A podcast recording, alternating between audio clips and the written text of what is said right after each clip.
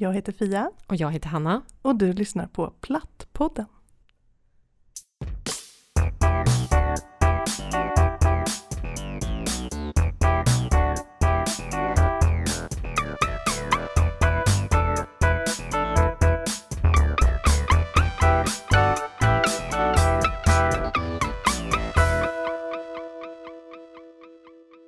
Känner du kärleken i luften, Hanna? Känner du vibbarna här i studion idag? Ja, faktiskt. För att det är ju vår ute och eh, körsbärsträden blommar faktiskt precis just nu. Det spritter lite i kroppen, eller hur? Absolut. Mm.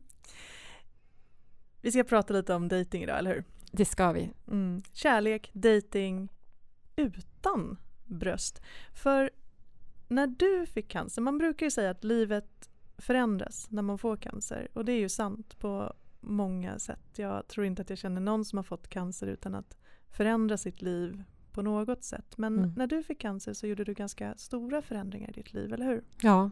Jag gjorde faktiskt en hel del förändringar när jag fick cancer och det var, det var inte så att jag började dricka gröna juicer och började motionera och så. Yoga?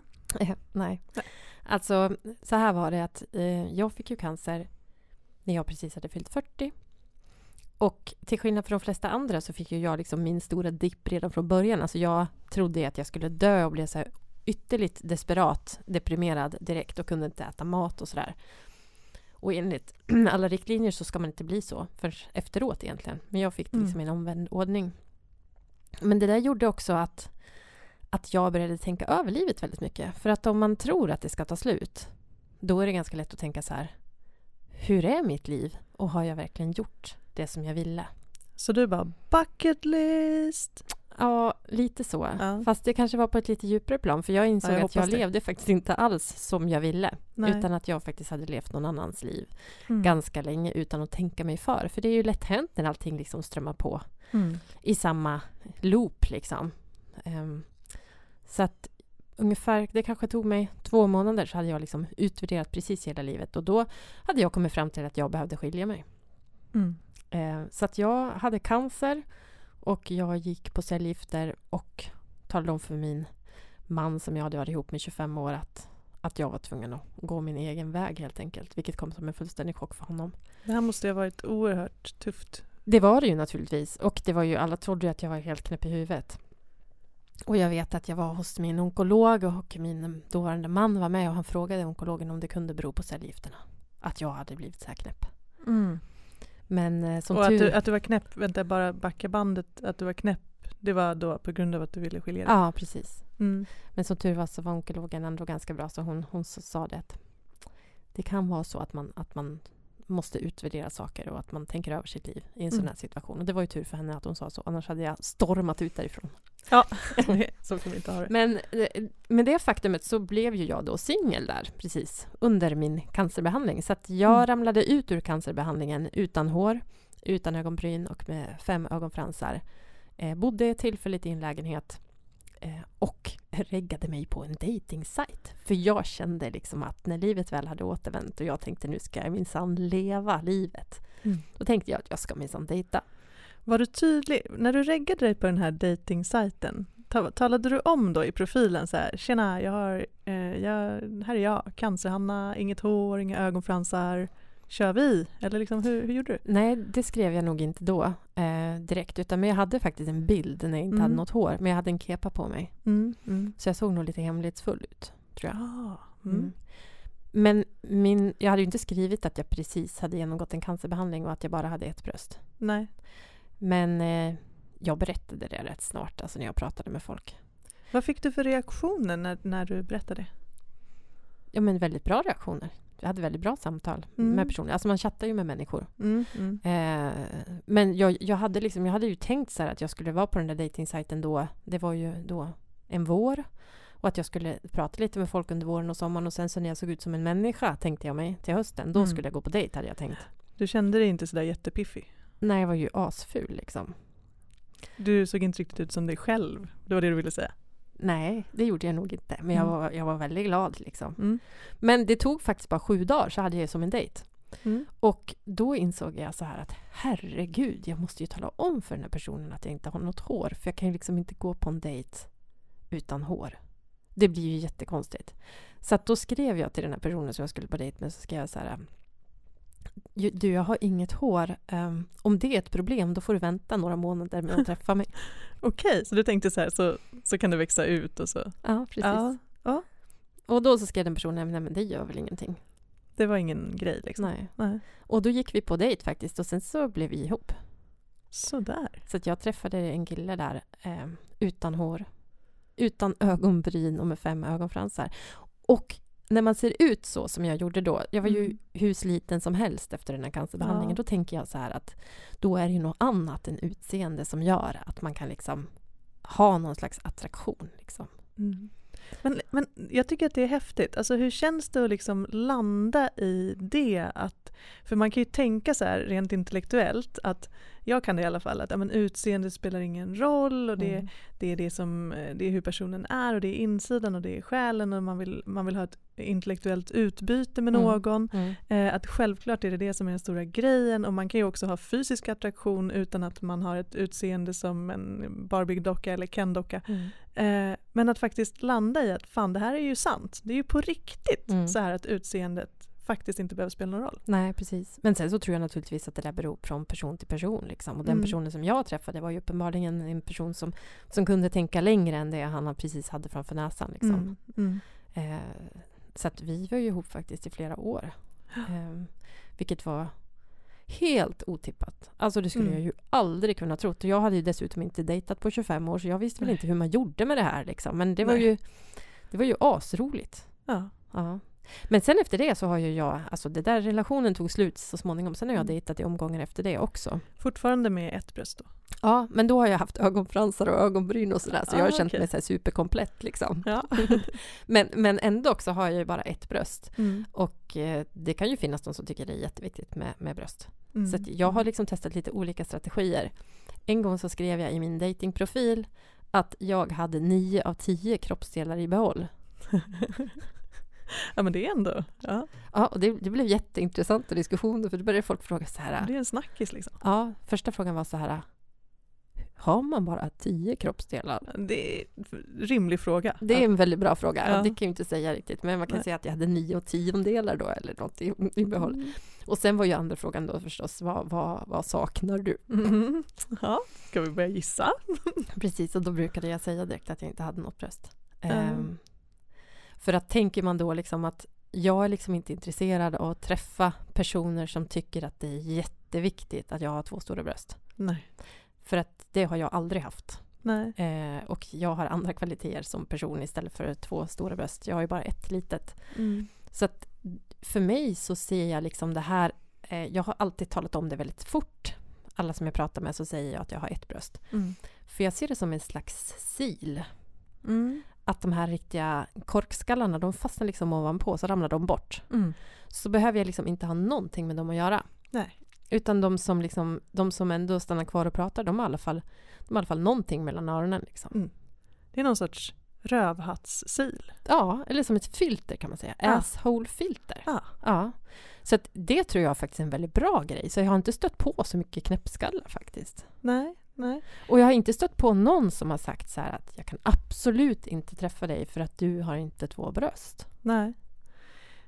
För jag läser ju ibland i, i våra forum faktiskt Mm. om, om kvinnor som har stött på Mm. de här eh, skithögarna, rövhattarna, assholesen. Mm. Eh, de här som verkligen faktiskt bryr sig jättemycket om det och då har blivit väldigt sårade förstås och, och, Mm. och ledsna och så vidare. Men jag tycker ändå att är det de man vill vara med då? Nej, exakt. Då, då har man ju, som du säger, då kan man ju filtrera bort dem, sålla bort dem. Ja. Men alltså det jag också har snappat upp historier om, det är ju nästan ännu värre och det är de, de personer som redan har varit i en relation och sen Mm. förlorar man ett bröst eller båda.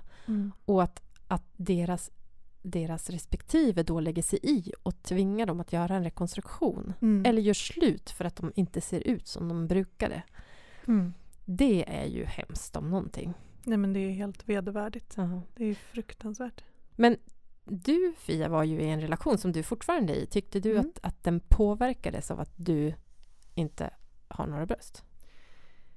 Inte negativt skulle jag säga. Alltså vi har ju en relation sedan cirka 17 000 år tillbaka i tiden. Mm. Eh, det, det, det är faktiskt delvis sant. Jag, jag var 16 när jag träffade min man och jag är 43. Så. Ja. Eh, och vi har ju en stabil relation men vi är också människor som alla andra och det går upp och det går ner och eh, vi försöker hålla ihop och stötta varandra och ta oss igenom eh, tjockt och tunt och vi har väl fått ta oss igenom ganska mycket skit tillsammans faktiskt. Eh, Man får ju lätt det när man får cancer. mm, Mm. Precis. Däremot så var det aldrig en grej för honom och jag frågade honom för jag är inte den mest självsäkra personen i hela världen, verkligen inte. Och jag har Mm. inget jättestort kroppssjälvförtroende generellt. Så Mm. jag vet att jag frågade honom när jag skulle ta ut implantaten, ja, men hur, hur, hur känner du? Alltså, Mm.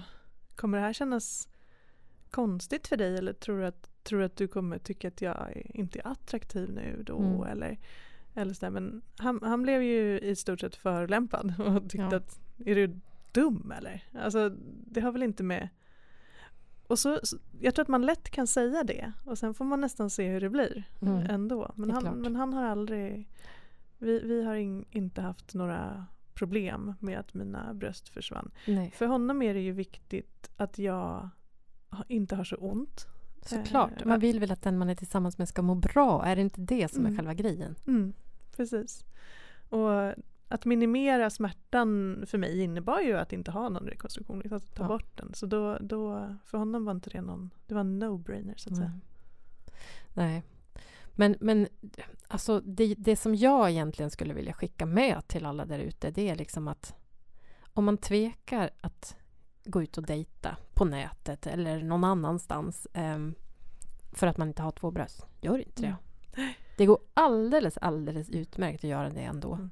Och försök att tänka på det som eh, rövhattssilen. Ja, precis. Alltså den som verkligen tar bort alla de här, det, det kanske dyker upp en och annan Mm. sån. Bra, då vet du att okej, det var inte han eller hon, eh, det, det var inte den partnern jag letade efter. Exakt. Mm. Och då slipper man ju någon som man i alla fall förmodligen inte skulle ha mått bra ihop med.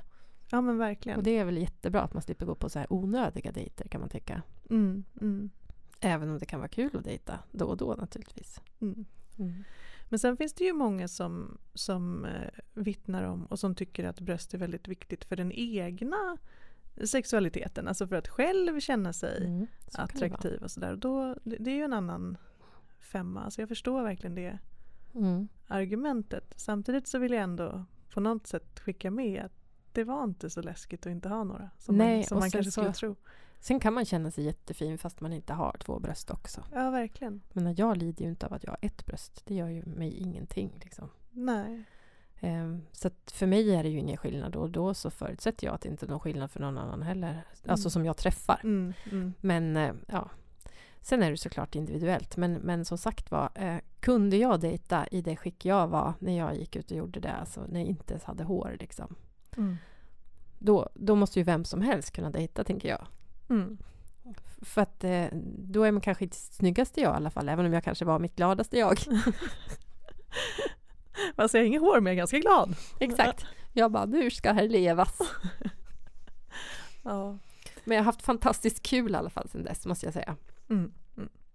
Sen, eh, sen är det ju, jag, jag har kriser i, alltså så som cancer och, och annat kan ju leda till att relationer tar slut. Det är ju inte jätteovanligt va? Nej, det tror inte jag heller. Jag tror faktiskt också att det är ganska vanligt att, att alla kriser kan ju leda till att det går åt skogen. Mm. Det jag tyckte var jättejobbigt när jag hade cancer, eh, som också då valde att göra slut på min relation under den tiden, det var att det stod i alla sådana här broschyrer och så att, att ens partners, partnern var ett- ens främsta stöd Mm. och det fanns jättemycket intervjuer med människor som, som sa så här eh, att vår relation fördjupades när jag fick cancer. Mhm. Och man tryckte liksom bara på det här med hur viktig familjen var och, och, och för mig så var det inte så. Nej. Alltså- fördjupades, för, för jag skulle nog säga att det är då testas relationen. Ja. Det är en stretch. Men man, man lyfter fram det på ett sånt sätt. Ja. Och det är en väldigt ensidig bild. Och det Mm. ger ju också någon slags stress för att då var ju jag superavvikande även på det sättet. För man ska liksom inte flytta hemifrån och skilja sig när man, när man har cancer. Mm. Utan mm. då ska man ju liksom bli omhändertagen så. Men för mig så funkar ju inte det. Nej. Utan det var ju mina kompisar som tog hand om mig. Men apropå kompisar och relationer. Hur eh, fick du behålla alla dina kompisar när du hade cancer? Ja, det fick jag. jag mina kompisar ställde upp till 100 procent. Framförallt mina arbetskamrater faktiskt. De var Ja. helt otroliga. Men jag fick ju massa nya kompisar på grund av cancer. Ja, just det. Så jag har ju liksom... Jag har jättemycket kompisar nu som har haft cancer. ehm, och de är ju lite roligare än andra människor. Alltså, jag kan ju bara hålla med. Det är, det är ett faktum. Så. Alltså dels Evidensbaserat. förstås så har jag ju Mm. hela plattnormen och, och Fia och jag håller på med en massa olika saker ihop. Men sen så har jag ett helt gäng som kallas för cancerkompisarna som, som hänger ihop. Mm. Ehm, så att jag måste säga att cancern för mig innebar att jag utökade mitt nätverk och fick fler kompisar. Mm. Mm. Och det är ju fantastiskt att det kan vara så. Mm. För att det är ju många som inte upplever det på det sättet såklart. Och det är ju jättesorgligt.